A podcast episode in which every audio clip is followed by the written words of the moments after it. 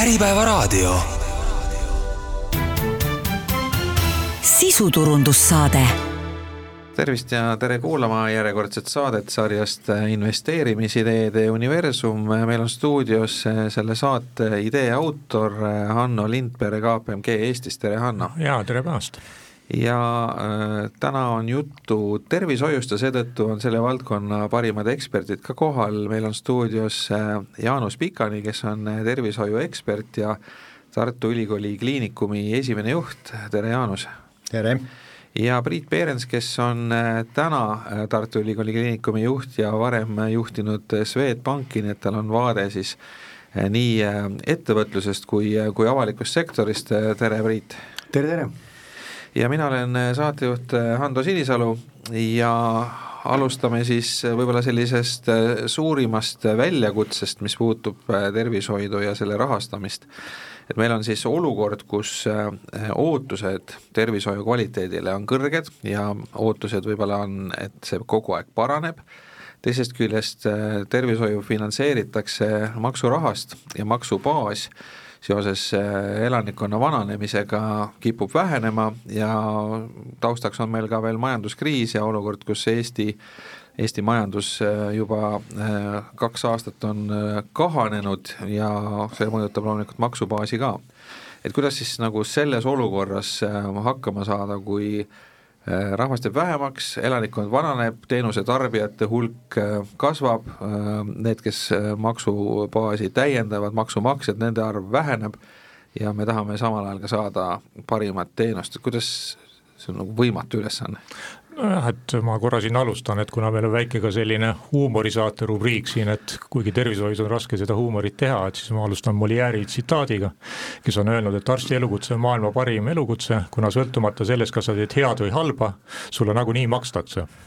mis tekitas mul küsimuse, et noh, tegelikult kuidas, kuidas saaks seda süsteemi efektiivsemaks noh, teha, eks ole, noh, nii musta huumoriga on see, et noh, kui kui siis patsient sureb, et siis äkki ei maksaks, eks ole, noh, et haiglale, kuigi noh, seal on vastuargumendid. tulemusepõhine. ja tulemusepõhine, eks ole, et noh, nagu rahastamine, aga noh, võib-olla siit on jah, esimene, esimene küsimus ka minu poolt või noh, täiendus siin siin, siin Priidule ja Jaanusele, et noh, kas me ikkagi seda elu kuidagi hindame üle, eks ole, et noh, et kas me ikkagi suudame, et noh, tegelikult need nõudmised on ju lõpmatud, aga me elame piiratud noh, ressurssidega maailmas.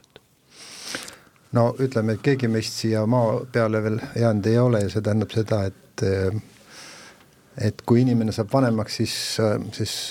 tõenäoliselt mingi haigus tuleb ja millessegi ta sureb, et, et see on üks asi, mis selge. et tegelikult meditsiin on siin täna selleks, et, et seda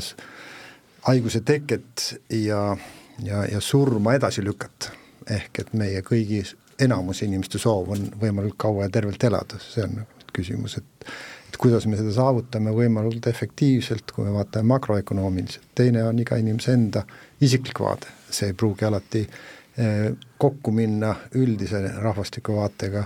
nii et eh, eks alati küsineb selles, et efektiivsust võib alati tõsta ja teenuse hulka võib tõsta ja tänase tehnoloogia puhul me saame ka palju-palju inimesi ülal hoida, nii et et see kõik, see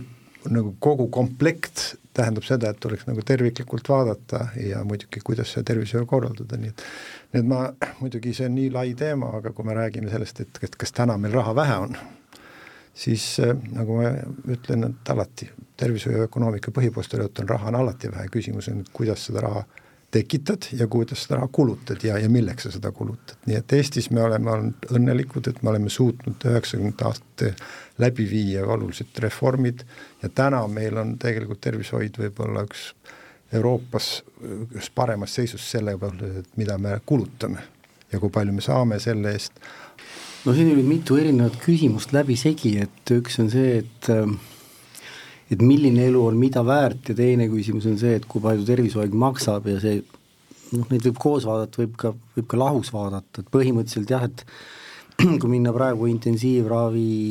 palatisse, siis tõepoolest, et äh, nad vist suudavad inimest hoida elus äh, noh, lõputult, et äh, küsimus jah, et kas see elu on midagi väärt. Mm.. ja siin ma soovitaksin kuulajatel lugeda Atul Kvandet Being Mortal, mis on väga huvitav käsitlus selle kohta, kuidas võiks elu lõpu ravi korraldada lähtuvalt inimeste vajadustest, soovidest. ma saan aru, et seal on toimunud mingi muudatus, kui jah, vanasti lähtuti sellest, et iga hinna eest peab elu pikendama,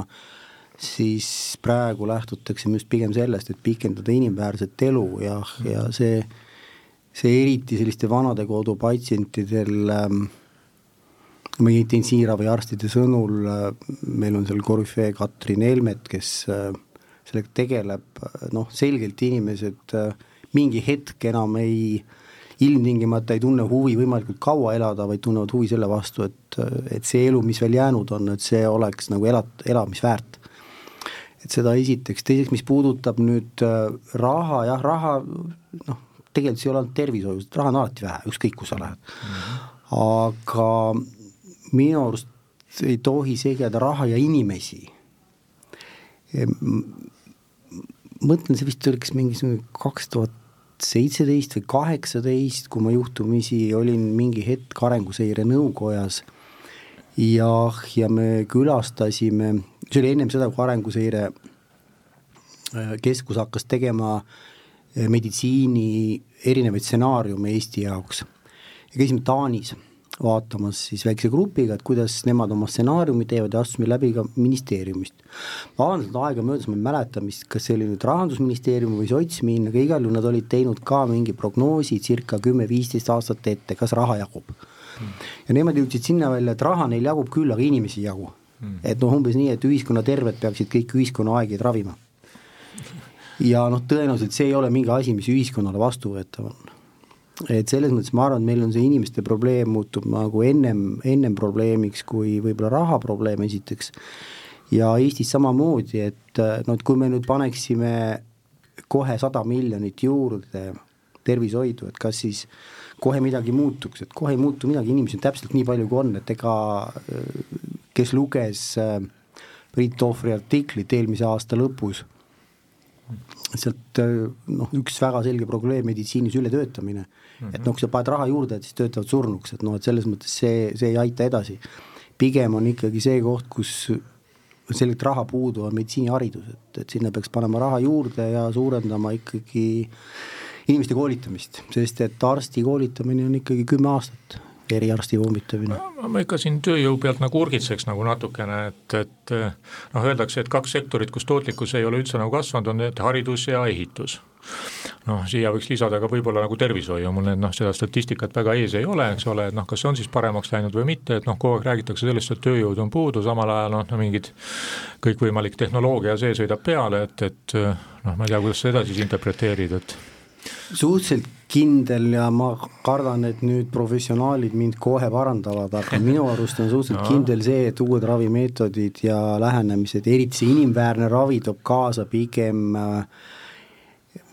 vaja,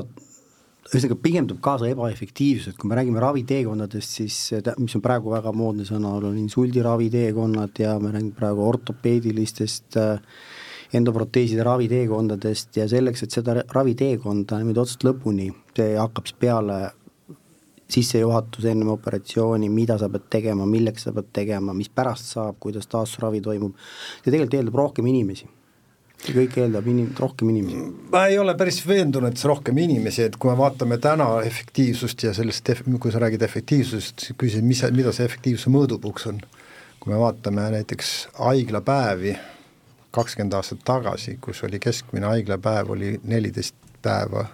ja viisteist päeva oli haiglas viibimine, siis tänane haiglapäev, haiglas viibimine on, on viis päeva, võib-olla isegi Skandinaavia maades läheb ta sinna kolme-nelja päeva peale, ehk et, et kus koha peal seda efektiivsust mõõdad ja, ja, ja mis on tulemus. nüüd loomulikult võrreldes ütleme, kas või kümne aasta tagusega see need võimalused, mida täna meditsiin võimaldab, on iga aasta tuleb juurde võib-olla eksponentsiaalselt uusi ravimeetodeid ja me suudame palju rohkem, palju täpsemalt, see tähendab seda, et tegelikult ravi muutub efektiivsemaks, palju efektiivsemaks, täna no üks kõige parem näide on see, mida me tegime aastakümneid ja kui ma ka töötas, oli, töötasin veel nagu kirurgina või enne ka isegi, kui ma olin ülikoolis, ja olin, tegin öövalveid, siis terve osakond oli täis näiteks mao haavandiga haigeid, kellele pandi sisse sonde ja mõõdeti seal, nimetati basaalsekretsioonis, kui palju maamahla eraldub ja iga päev lõigati neli või viis maoresektsiooni, mao osalist eemaldamist. Ja, ja, ja see oli terve, terve tööstusharu oli see. terve kirurgia oli selleks, et maohaavandid ravida, see kadus korraga siis, kui AstraZeneca või tollal Astra mõtles välja H2 blokkeri ravimi, mis täna on üks tablett õhtul ja praktiliselt terve kirurgia, mõttetu tegevus kadus ära. Nii et see näitab seda, et me täna läheme täppis ehk nimetame personaal- või, või täppismeditsiini peale, kus me juba räägime sellest, et me läheme ühte nukleotiidi DNA-s välja lõikama ja sinna panema ta tagasi. nii et tegelikult efektiivsus on tõusnud, nüüd on küsimus, kuidas me raviprotsesse korraldame ja siin on meil muidugi pikk tee minna, isegi kui me Soomes või Skandinaavias vaatame, kuidas on töö korraldatud eriarstiabis või, või arstiabis, kus õdede olu-, osakaal ja õdede kvalifikatsioon on palju suurem ja täna me vaatame, kuidas meil jaguneb. meil on üks või kuus õde äh, äh, tuhande no, inimese peal. Skandinaavias on üksteist, Norras kuusteist õde ja meil arstide arv on meil sarnane näiteks Soomega, mis on Euroopa keskmine kuskil kolm koma kaks, kolm, eks ole, võib natuke tõuseb no,. nii et, et, et see tähendab, et me peaksime ümber natukene vaatama, kuidas meil raviprotsess on korraldatud ja loomulikult me ei saa elada vaakumis, sellepärast et me peame vaatama, mis on sissetulekute tasemed naaberriikides ja inimesed ja hääletavad jalgadega, nii et sealt tulenevalt me peame muidugi mõtlema, et kulud personali kasvavad ja ka, ka see, kuidas inimesed töötavad, täna Eesti arst kindlasti töötab Eestis palju pikemalt ja rohkem kui näiteks Skandinaavias või Soomes. siin ma ikkagi lähekski edasi, et noh, minu kogemus ka ikkagi perearstist on niimoodi on, et noh, ta täidab seda haiguslugu ja noh, sa, sa räägidki tegelikult nagu inimrobotiga, eks ole, noh, mis seal siis vahet on, eks ole, et kui sul juba nagunii on selline inimrobot nagu vastas, et Priit, kuna siis meil need pneumaatilised äh, arstrobotid kohale jõuavad või? ei, ma arvan, et ennem kui jõuavad arstrobotid, ma arvan, kohale ennem peaks tekkima teatud meditsiinilised protseduurid, mida me saame ise kodus teha, kui, kus ei ole arsti vaja, et arsti oleks ikkagi vaja peamiselt diagnoosimiseks, aga siis edasi võiks kas siis õe-arsti juhendamisel või, või mingi, mingeid asju, mingeid tegevusi peaks olema võimalik ähm, tuua koju, no meil mingisugused kogemused on olemas, on, on ütleme, seal on psoriaasi ravi, ravi äpp on, mis siis põhimõtteliselt jälgib selle haiguse sellist ägenemist ja mingitel hetkedel siis annavad arstid nõu, et tee nüüd nii või naa või tule kohe vastuvõtule või siis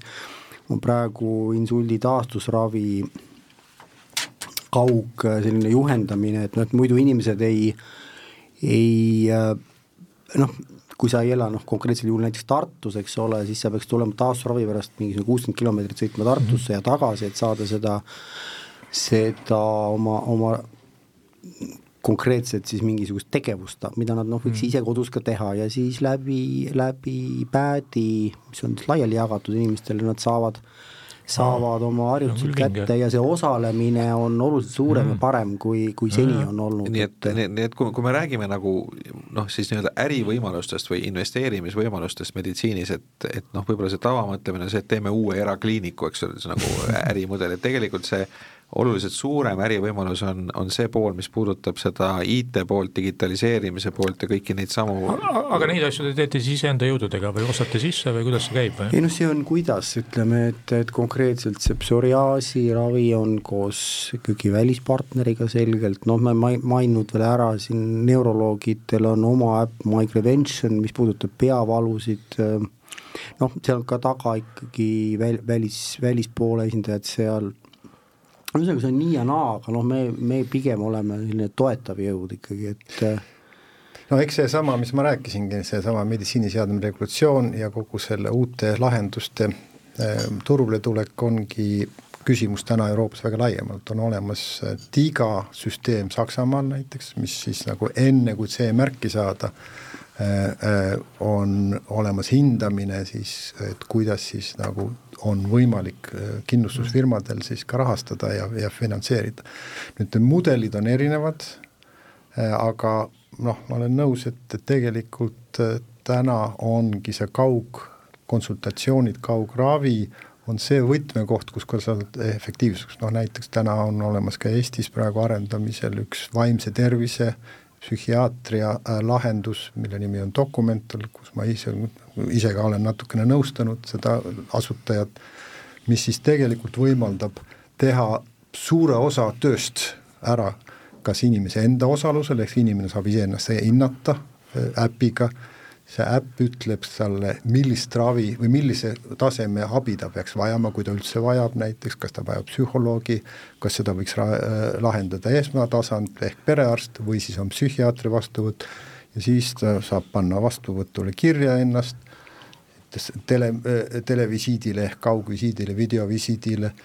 ja nii kui see visiit lõpeb, ehk see arst käib läbi või ütleme, psühholoog käib läbi needsamad struktureeritud küsimused, äpp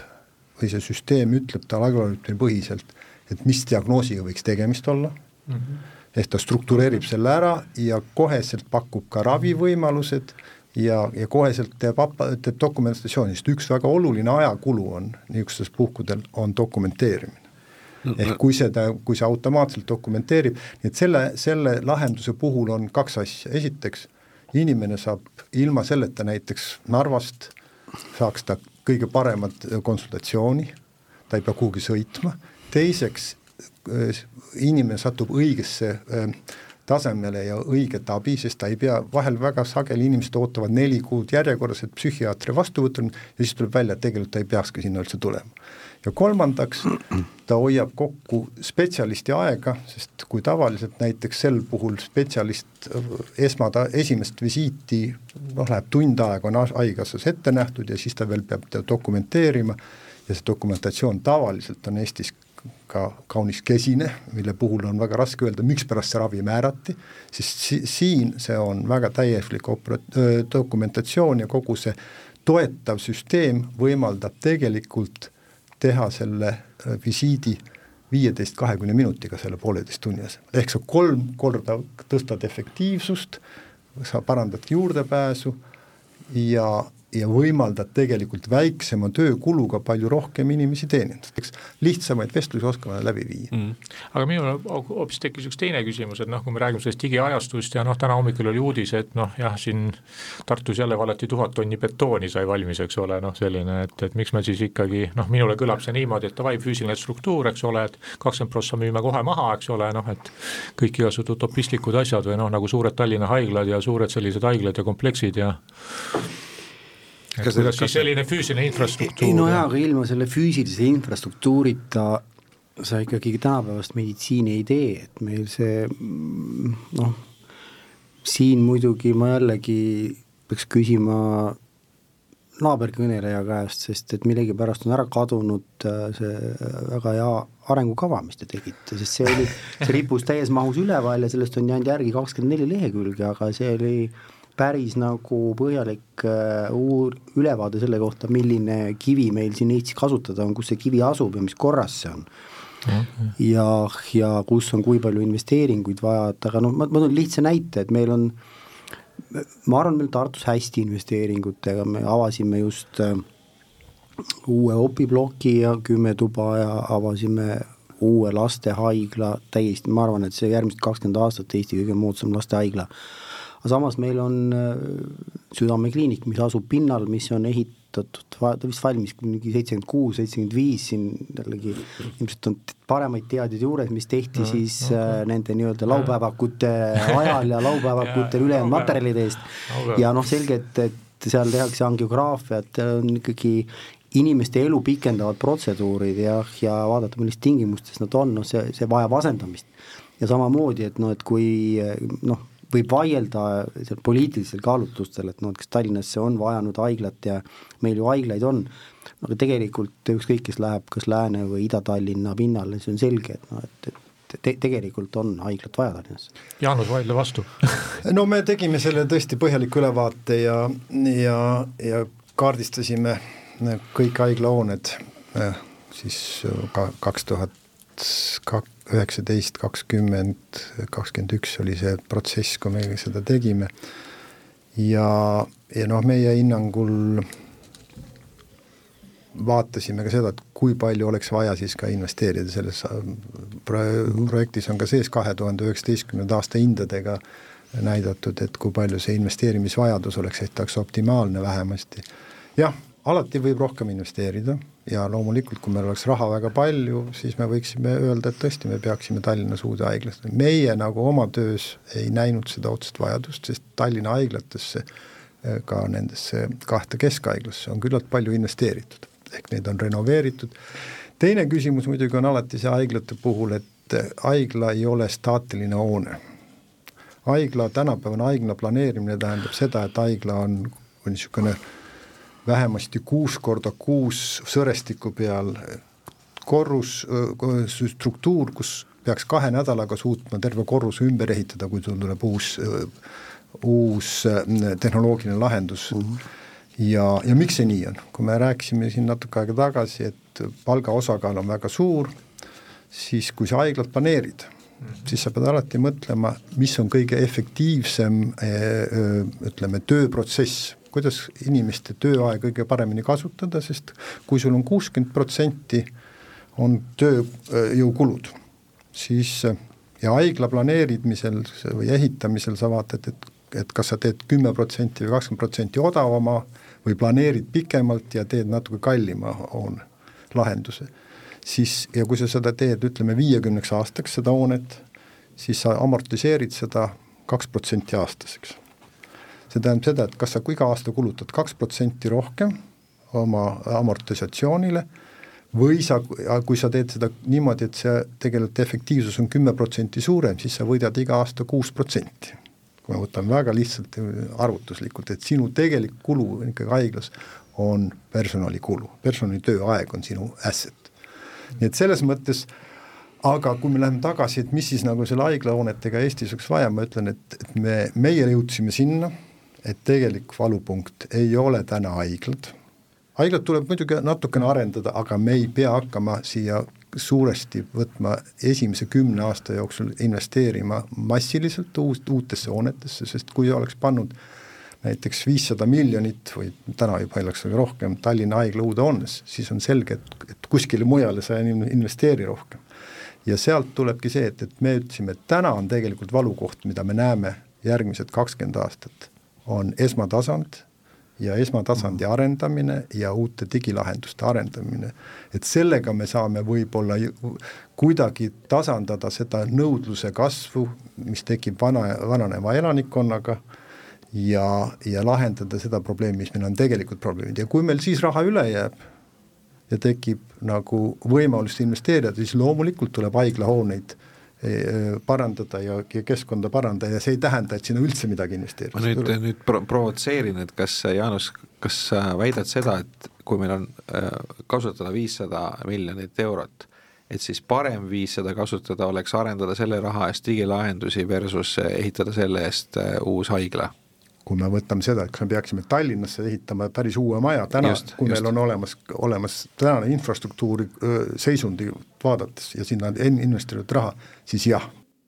nii, aga räägime nüüd rahast veel investeerimise nurga alt ka, et, et me, me enne põgusalt rääkisime sellest või noh, tegelikult täitsa pikalt, et üks selline investeerimisvõimalus tervishoiuga seoses on IT ja kõik need lahendused, et see on see koht ka, kus efektiivsus võiks tulla ja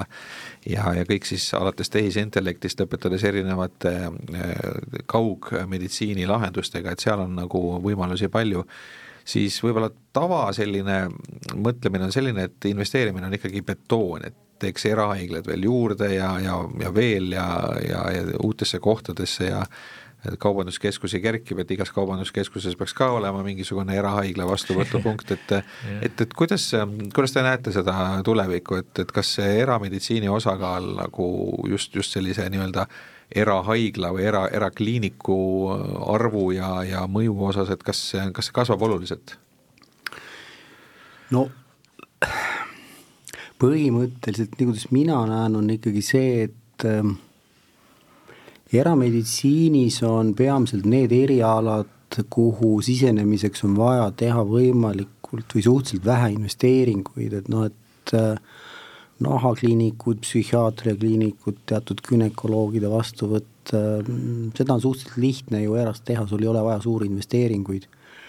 see tähendab, samas tähendab see muidugi seda, et seal ütleme, no sellesse, sellisel kujul äh, investoril sinna sekkuda oludes, kus eelnevalt just rääkisime nagu juhtimisest, et, et tõenäoliselt kindlasti on väga hea valik nendel inimestel, kes seda tööd teevad, iseendal omada noh, ma ei tea, nagu partnership või kuidagi oma seda tegevust, ma ei ole kindel, et sealt väljaspoolt mitte meid, meedikule investorina ilmtingimata et see on hea äri, küll aga jah, et kui ta suudab leida ruumid, mis on mingi tegevuse jaoks vajalikud ja neid rentida, siis ma usun, et see võib olla nagu täitsa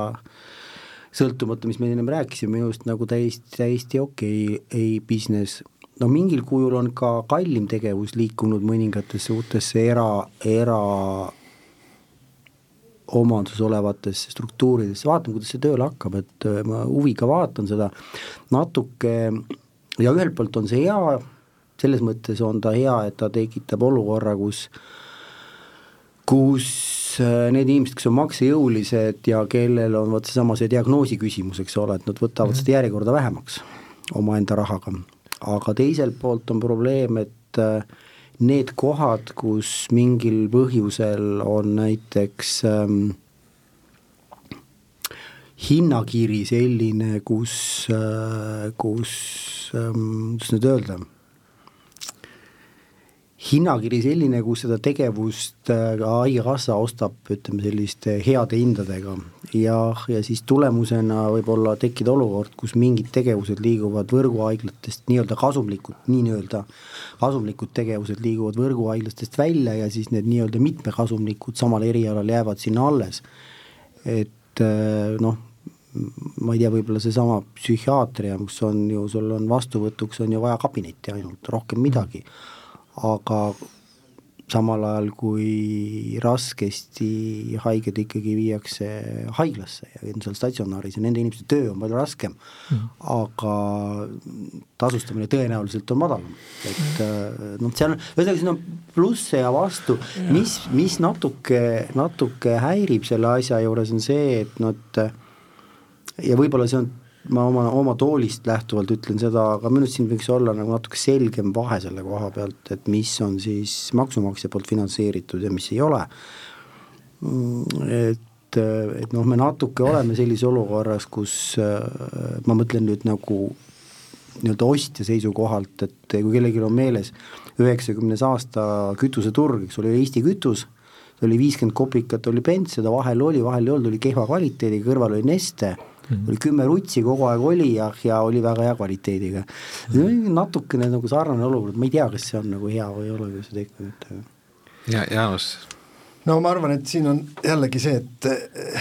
et kui me vaatame ka Eesti eratervishoiu ja kas me vaatame siin juurde tulnud uusi kliinikuid, siis kus koha peal see probleem on, et need on põhiliselt ikkagi investeeringute pealt äh, nagu käivitatud ja, ja kui me vaatame, mida kas või Confido tegi mm. Confido hakkas ja oma algusest esimesest päevast hakkas investeerima, ostes kokku Haigekassa lepinguga kliinikuid. mis tähendab seda, ütleb selgelt, et kus koha pealt nad ootasid siis nagu rahavoogu, ikkagi avalikust sektorist. ehk praktiliselt seda, kus sul oleks nagu eriarstiabis nagu äh, ütleme, erasektori äh, või eramaksja poolt või inimeste poolt out of pocket makstud teenuste eest väga suuremahuliselt kliinikuid üles ehitada, ma kardan, et siiski Eesti avalik te-, see teenus on veel nii hea, et, et see nagu ei tööta, muidugi on olemas ka äh,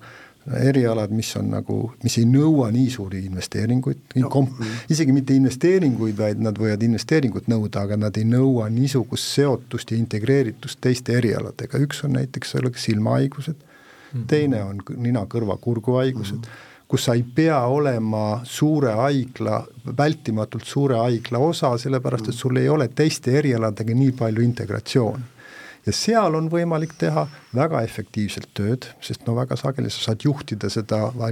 ehk tegelikult ütleb ka see seda, et tegelikult võiks olla ka mõelda niisuguse mudeli peale, kus koha peal suur haigla koosnebki tegelikult mm. eraldi tuluüksustest, kus koha peal äh, on nendel samal eriala inimestel palju suurem otsustusõigus ja paindlikkus ja nad teevad nagu ütleme, ütleme noh, kliinikumi brändi all teevad tööd lepingute alusel, eks ole, see on keeruline juhtida, see on, see on siis tõesti nagu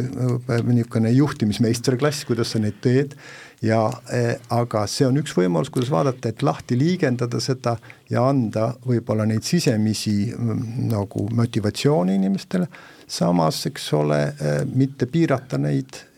ja, ja võtta ära ka seda koormust, et et inimesed tahavad kuhugi mujale minna aga ma olen nõus, aga ma tahakski öelda, ma olen nõus, et nendes erialades see on täiesti nagu mõeldav, et et, meie asi, ühesõnaga ka Ameerika mudel, et, et haigla tegelikult rendib pinda ja arstid siis äh, võivad täitsa gruppide kaupa liikuda, et viieaastased tähtajad, et Ameerika haigla ju on selline, et seal on haigla on ikkagi see sisuliselt äh, infrastruktuur, kes siis okay, nagu nagu, nagu, nagu täna on kaubanduskeskused, eks. no et noh, siin ongi päris huvitav, huvitav nagu tähelepanek, et, et noh, investeerimismaailma põhireegel on see, et sa ei lähe riigi rahaga konkureerima, eks ole, sellepärast et riik suudab alati noh, veidralt nagu otsustada, noh nii edasi, teisalt no mis, mis Jaanus siin välja tõi, eks ole, tegelikult neid äh, Tervisekassa lepinguid nagu tahetakse, eks ole, noh seda riigi raha, eks ole, noh ja siis kui ma nüüd enda investeeringuid vaatan, mul on kolm tervishoiu ETF-i, noh, ma olen ikka natuke üritan panna, siis mul see üldine healthcare, see on mul plussis, noh üldiselt need üldised healthcare ETF-id, mis koosneb peamiselt muidugi farmast, need panevad räiget plussi, siis on mul seal medical innovation, see on mul miinuses, noh küll väikses mm -hmm. miinuses, ja siis on mul seal veel medical devices, noh, mis peaks ka olema selline, mis üles läheb, noh olemasolevad ja see on mul ka miinuses, see on vist isegi nagu suuremas miinuses, et noh, et aga jah, et ma kohe jõuan selle küsimuseni, et vaata jagan sinu saatust, tahtsin öelda enam-vähem. samad ETF-id ja ei no enam-vähem sarnased jah, et see on, mul on üks asi veel juures, mis on, on selline tore asi nagu Saksamaa vananev elanikkond. mul on aging population, mul on see iShares ju ka, iShares, jah. Okei, sul on see, mul on see ka olemas, see on mul plussis, ma ei tea, on hea, kuna sa ostsid, aga mu tegelik küsimus väga hea, tegelik küsimus on see, et ma alguses mõtlesin, ma küsin su käest, et kui mul on, ma annaks sulle miljon eurot, kuhu sa selle Eesti tervishoiust paneksid, aga siis ma jäin mõtlema lihtsalt, et miljon eurot on vähe, et siis ma pakun sulle kümme miljonit eurot, mõlemale küsimus, siis noh, ma ei tea, kas, kes tahab alustada teist, eks ole, ma annan teile kümme miljonit eurot, kuhu te selle Eesti tervishoiust paneksite? mida te teeksite sellega, ma ütlen, ma tahan, eks ole, et ma olen selline noh, ütleme, et olen jõukas kirurg, eks ole, kas sa oled, kas sa oled, kas sa oled pikaajaline investor või lühiajaline?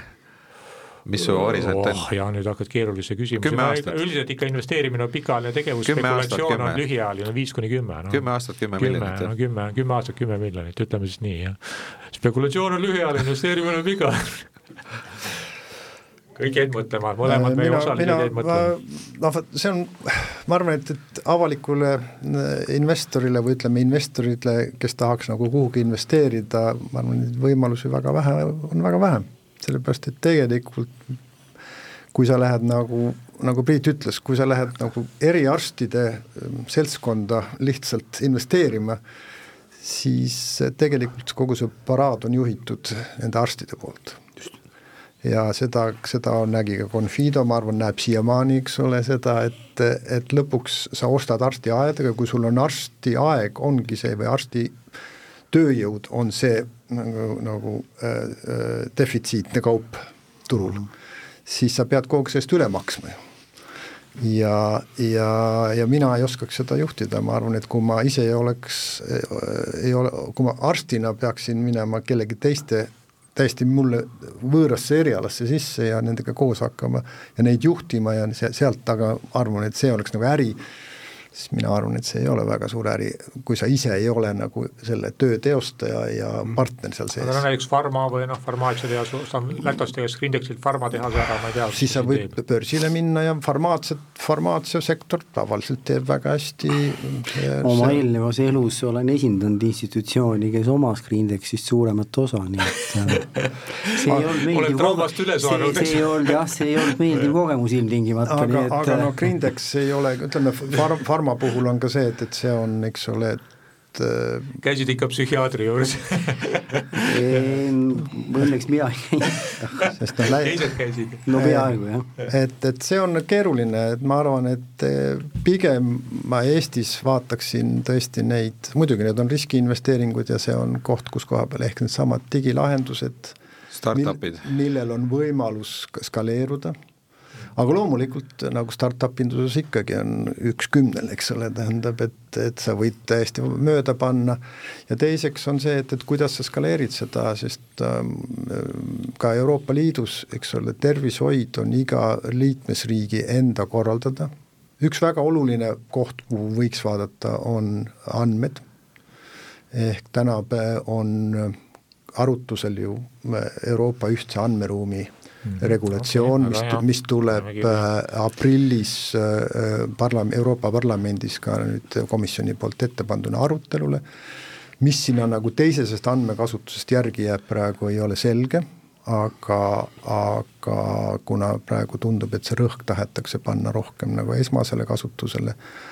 aga ma arvan, et see on see koht, kus koha peal tõesti tulevikus ja pikemas vaates ähm, tekib väärtus et noh, ta on niikuinii väärtus, aga kuidas seda kasutada, kuidas neid standardiseerida, need andmeid, kuidas neid üle riigi, üle, üle äh, riigipiiride liigutada ja kuidas neid kommertsiaalselt kasutada, no me teame, et täna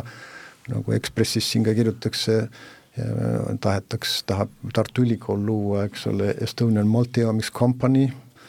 kuidas see nagu läheb äh, seda ma ei oska ka öelda, sest täna on tegelikult konkurents juba niisugustele äh, pakkumistele väga, väga tugevaks läinud, soomlased on väga palju, teevad ravimifirmadega koostööd, nii et, et see on koht, kuhu ma pigem vaataksin, aga no ka seal on see, millise kivi all see, see vähk on, seda on väga raske öelda eks, ekspankur, praegune tervishoiujuht, investeerimis. kakskümmend tagasi, kümme aastat, kakskümmend mulle, üks sulle. ma veel kord, et üldiselt muidugi ma vist ütleks, et ma annaks sulle raha tagasi esimese hooga, aga ma katsuksin otsida mingit äh, kohta, kus, kus oleks võimalik istuda mingil kujul või tekitada mingi monopol, et noh, et a la, et siin andmetest oli juttu, aga ma kujutan ette, et kui, kui keegi müüks ära Pildipanga see tähendab, noh, ei, ennem oli juttu siin sellest, eks ole, et meil on võimalik radioloogidel lugeda pilte okay. üle Eesti igalt poolt, põhimõtteliselt seal on keskne organisatsioon Pildipank, mis on haiglate poolt asutatud, see on siis mm -hmm. okay. kliinikum PERH, eks ole ja põhimõtteliselt kõik sõltuvad sellest, et noh, seal on vaja arendusi kogu aeg teha, no võib-olla kümne miljoniga isegi noh, seal teatud tingimusteks, seal on, seal tõenäoliselt tuleks teha mingit teatud tüüpi pikaajalised lepingud, mida sa pead garanteerima selleks, aga, aga noh, ühesõnaga, kui oleks midagi sarnast võimalik leida ja, ja ma ei ütle, et see müüa on ja nii edasi, veel kord, aga et, et kui ma üritaks otsida mingit sellist kohta. jah, see loogika võiks see olla, noh, kui ma siit, see on su hea mõte, et noh, et tegelikult, et mis on haiglale kallis, erasektorile odav, eks ole, noh tegelikult. ei no et sa üritad, haigla probleem on ju milles, haigla probleem on selles, eks ole, et meil on pidev rahavoog on garanteeritud, aga selliseid nagu noh, suuremaid, no sama investeeringute probleem ka, eks ole, et selliseid suuremaid tükke sulle ette ei teki mm, -hmm ja, ja, ja mingi noh, hetkel on noh, meil laenuvõimekus olemas, aga see on nüüd ka üks suur tükk ja siis on ta otsas, eks ole. et ähm, noh, kui leida selline koht, mis on nagu monopolile sarnane, siis vajab hetkel kiiresti suurt investeeringut, see on natuke nagu see koolidesse investeerimine või midagi sellist, eks ole, et sa teed kooli korda ja rendid riigile jälle tagasi pikaajaliselt ja, ja ja, ja noh, sa lahendad tegelikult ju mingi probleemi ka ära, et selles mõttes see ei ole nagu ilmtingimata nagu negatiivne, mida ma ütlen, et aga ma, ma üritaks mingit sellist asja leida, et siis, siis see võiks olla nagu täitsa nagu töötav jah, et ma lihtsalt reflekteeriks ise ka, et noh, et ütleme, et arstid on ikkagi ju noh, ütleme, et nende tootlikkus on ju piiratud töötunniga, eks ole, noh ja töötunnis sa ei saa noh, ütleme sellist capital gain'i klassikalisel kujul, et noh, välja arvatud juhul, kui, eks ole, noh väga raske on näha, eks ole, et kui sa nüüd charge'id oma neid töötunde või paned sinna kirja, see on umbes nagu advokaadil, eks ole, sa võid küll väga häid tulemusi saada, aga noh, lõpuks, eks ole, sa oled ikkagi oma töötundidega piiratud no,. just nimelt, et advo-, advokaadibürood ju ei oma välisinvestorit reeglina, ma vähemalt ei tea, võib-olla kusagil on see nii, aga ma ei tea küll. mõned on listitud, aga üldiselt see mudel ei tööta. Nad on ikka partnerlused, nad on ikka partnerlused ja, ja, ja, ja see, kes, kes juba äh, läheb pensionile, see, see peab oma, oma ja, osa, osa nagu ära andma, tähendab. ma kujutan ette, et ja arstidel võiks olla samamoodi, et noh, et, et nemad koos oma selles kollektiivis töötavad hästi, aga et, et seal ei ole nagu sel, investor saab anda neile töövahendeid kätte ja et ta investeerib töövahenditesse või millesse investor saab neile investeerida sellesse kohta, kus koha peal on nende töövahendid, mida nad ja. siis peavad kasutama. no või kus kohal nad no, on. kas rentimine ja. või aparatuur või, või noh, niisugused asjad, aga ma ei näe, et, et see tegelikult kui... no mingi ärimudel on nagu see Siemens Healthcare või eks ole, on sellised suured äh, et, noh, tehnoloogiafirmad, kes siis äh, rendivad haiglatele seda meditsiinitehnoloogiat, sisuliselt nad liisivad seda, tõenäoliselt on seal mm, hinnas okay. mingi väike komponent, kus nad võtavad seda nii-öelda oma no nad, on väga, väga sageli ka niisugune lahendus, kus koha peal nad tõesti tehnoloogiat mitte, mitte ei müü sulle, vaid rendivad ja see tähendab seda, et neil on kohustus ka, kui tuleb uus põlvkond, selle, sellega, seda uuendada mm, -hmm. nad annavad sulle teenust sisuliselt, tähendab mm. -hmm. ehk see Siemens Healthcare, need on ka teisi näiteks väga palju on, on nagu Philips on praegu liikumas väga jõuliselt olme elektroonikast ära ja ainult tervishoiu ja heaolusse, kus neil on väga suu-, uusi lahendusi, neid, need noh, näiteks Philipsil on olemas Äh, tele, mobiiltelefonile külge panda ultraheli otsik, mis, millega saad näiteks kodus oma äh, rase, raseda abikaasa loodet vaadata 3D-s, eks ole, mis käib läbi mm. nende serveri ja, ja, ja, ja äh, siis nagu kogu selle informatsiooni muundab 3D pildiks. aga, aga see jutt, mis te enne mainisite, et, et Eesti meditsiini nii-öelda see Tervisekassa kaudu rahastatud süsteem ja see kvaliteet on eh, nii hea või liiga hea selleks, et inimesed oleks valmis ise nii-öelda oma raha eest minema ja lisateenuseid ostma, et see tähendab seda, et et see on nagu mingis määral selline psühholoogiline paradoks ka, et, et isegi tänane väike eh, visiiditasu tekitab protesti ja, ja nüüd, kui sa tunnetuslikult, sa tead, et sinu palgast eh, teatud osa läheb siis Tervisekassale, et, et midagi juurde maksta, olgu see kas või sada eurot või, või mingi väiksem summa, et see tundub nagu ebaõiglane, et, et, et panna inimesi käituma nii, et nad vabatahtlikult läheks ja enda tervise huvides ostaks veel oma raha eest teenuseid juurde, et ma saan aru, et see, seda lootust väga ei ole. no vaata, siin on tegelikult küsimus, et mis on nagu sinu tervise tegelik determinant kas see on meditsiin, kui palju meditsiinist tegelikult sõltub ja, ja arstiabist sõltub sinu tervisest? no võiks teha igasuguseid screening uid ja uuringuid ja analüüse iga nädal ju. ma, ma siiski tuleksin tagasi selle tüüpilise vana et, et kaheksakümmend protsenti, ütleme viiskümmend protsenti on sinu elustiil, kolmkümmend protsenti, noh, kui, kui täpselt need on, on sinu äh, kaasa antud, eh, eks ole, pärilikkus ja võib-olla isegi nelikümmend protsenti ja kümme protsenti on tervishoid, eks. see on, hakkab peale, kui sul on, mida madalam elu, ühiskonna tase on, siis aitab sulle puhtast veest, eks ole, ja, ja, ja võib-olla sanitaarsetest, ütleme, tualettidest, et su nakkushaiguste taset vähendada, aga aga siin ongi see, et, et seda, mida tuleks tegelikult toetada, on elustiil ehk sportimised miks mitte suhkrumaks mm. -hmm, miks mitte kallim alkohol, et, et, et inimesi tegelikult ära, eemale hoida nendest pahedest või, või, või, või ütleme, ahvatlustest, aga äh, tervishoiu puhul on ikkagi see, et et, et see, millest me räägime, on väga sageli niisugune äh, ütleme, kuidas öelda üldse, see mugavusteenus, mis võib-olla võiks minna nagu inimese taskus, kui tal raha on, ehk, ehk et tal on parem keskkond, ta klienditeenindus, kui me räägime tegelikust öö, tervishoiust või, või meditsiinist, kus on vaja väga suuri investeeringuid ja teadmisi, siis Eesti, Eesti suurusega võrreldes ka sa ei saa seda laiali pu-, puistata nii et, et selleks, et sa seda nagu süsteemi hoiaksid efektiivselt ja kvaliteetselt, pead sa seda kuidagi haldama niimoodi, et sul oleks kriitiline mass koondunud kuh-, nendesse kohtadesse. kui, kui, kui Hanno enne esitas sellise ülesande, et on kümme aastat ja kümme miljonit, kuhu te selle paneks, et ma esitan siis ka ühe väljakutse, et no. väljakutse on pikendada Eesti inimeste keskmist eluiga kümne aasta võrra horisont ei ole kümme aastat, ütleme viiskümmend aastat. no põlvkond paar. noh, põlvkond paar, et mida oleks vaja teha kõige rohkem äh, selleks, et keskmine eluiga kümne aasta võrra pikeneks? ja senikaua, kuni te mõtlete, ma natuke statistikat vahele, ma vaatasin järgi, et maailma suurimad börsikapitalisatsiooniga ettevõtted, et Euroopas suurima börsikapitalisatsiooniga ettevõte on Novo Nordisk, maailmas neljateistkümnendal kohal, eks ole, et, et Ozempic. jaa, eks ole, et Eli Lilly on, eks ole, et ma vaatasin, maailma suurim farmatseutikal, see on on kohal number üheksa maailmas ja nüüd ma United Healthi väga ei tunne, et Novo Nordiskis paar kohta allpool maailma suuruselt kuueteistkümnes ettevõtte börsikapitulatsiooni järgi on United Health. nii et noh, natuke statistikat top kahekümnest. aga nad loovad omale meditsiinialaseid aeg-ajalt monopole, mis on ja selle monopolina no, saavad lennata. Health on Ameerika meditsiini eripärast tulenevalt, et aga seal... samas Novo Nordisk on vist äh,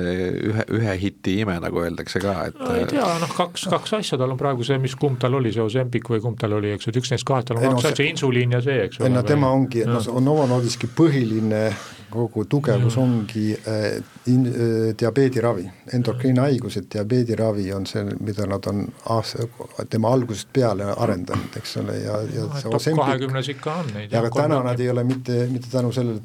et diabeeti ravitakse, vaid ravitakse, eks ole, ülekaalulisust. just, et see, see tuli nagu ootamatu lisaboonusena juurde ja see lennutas ka siis aktsia üles, et nagu see teine, eks ole,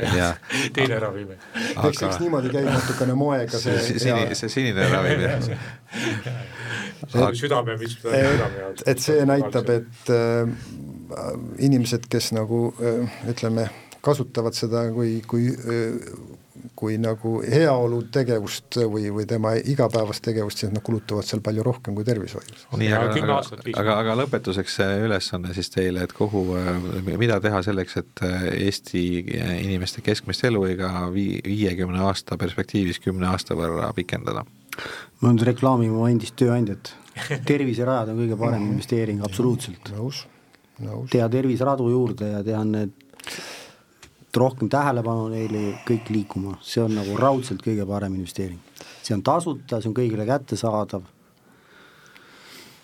Ma, mul jääb üle, üle ainult nõustuda ja teiseks ma arvan, et seda, mida me saame teha, on tõesti hakata äh, riske äh, nagu äh, ennustama, riske määrama ja, ja neid riske juhtima, see tähendab seda, et, et geneetilised riskid, elustiiliriskid ja neid siis nagu läbi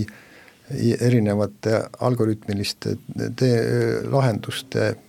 viima tervishoidu ja et näiteks esmatasand suudaks paremini riskirühmadega tegeleda ja varemalt neid riske avastada ja nendega tegeleda no ma ikka nii kergelt teid ära ei laseks, eks ole, noh väga lühidad vastused olid, aga noh, et mida rohkem sporti teha, seda rohkem liigesed kõik kuluvad, eks ole, kümme aastat rohkem, eks ole, kuuekümne seitsmekümneselt jooksed, siis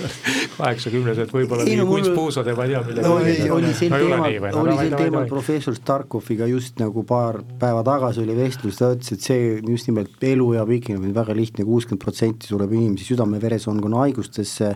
üks asi on jah, et sul võib olla mingi soodumus, mitte aga põhimõtteliselt söö vähem ja liigu rohkem, kõik. täna, tänapäeval me sööme ennast surnuks ühiskondadena, et praegu väga suur äri, kus, kui ärist rääkida, et meditsiinis on ikkagi bariaatriline kirurgia ja, ja seesama Ozempic, see näitab mm. seda, et kus see tegelik probleem on, et probleem ei ole mitte tervishoius, vaid probleem on inimeste käitumises ja liigs, liiga heas elus. niimoodi rääkisid tervishoiueksperdid, stuudios olid Priit Peerens, Jaanus Pikani, saate idee autor Hanno Lindberg KPMG Eestist, mina olen saatejuht Ando Sinisalu ja te kuulasite saadet Investeerimisideede universum, aitäh kõigile kuulajatele!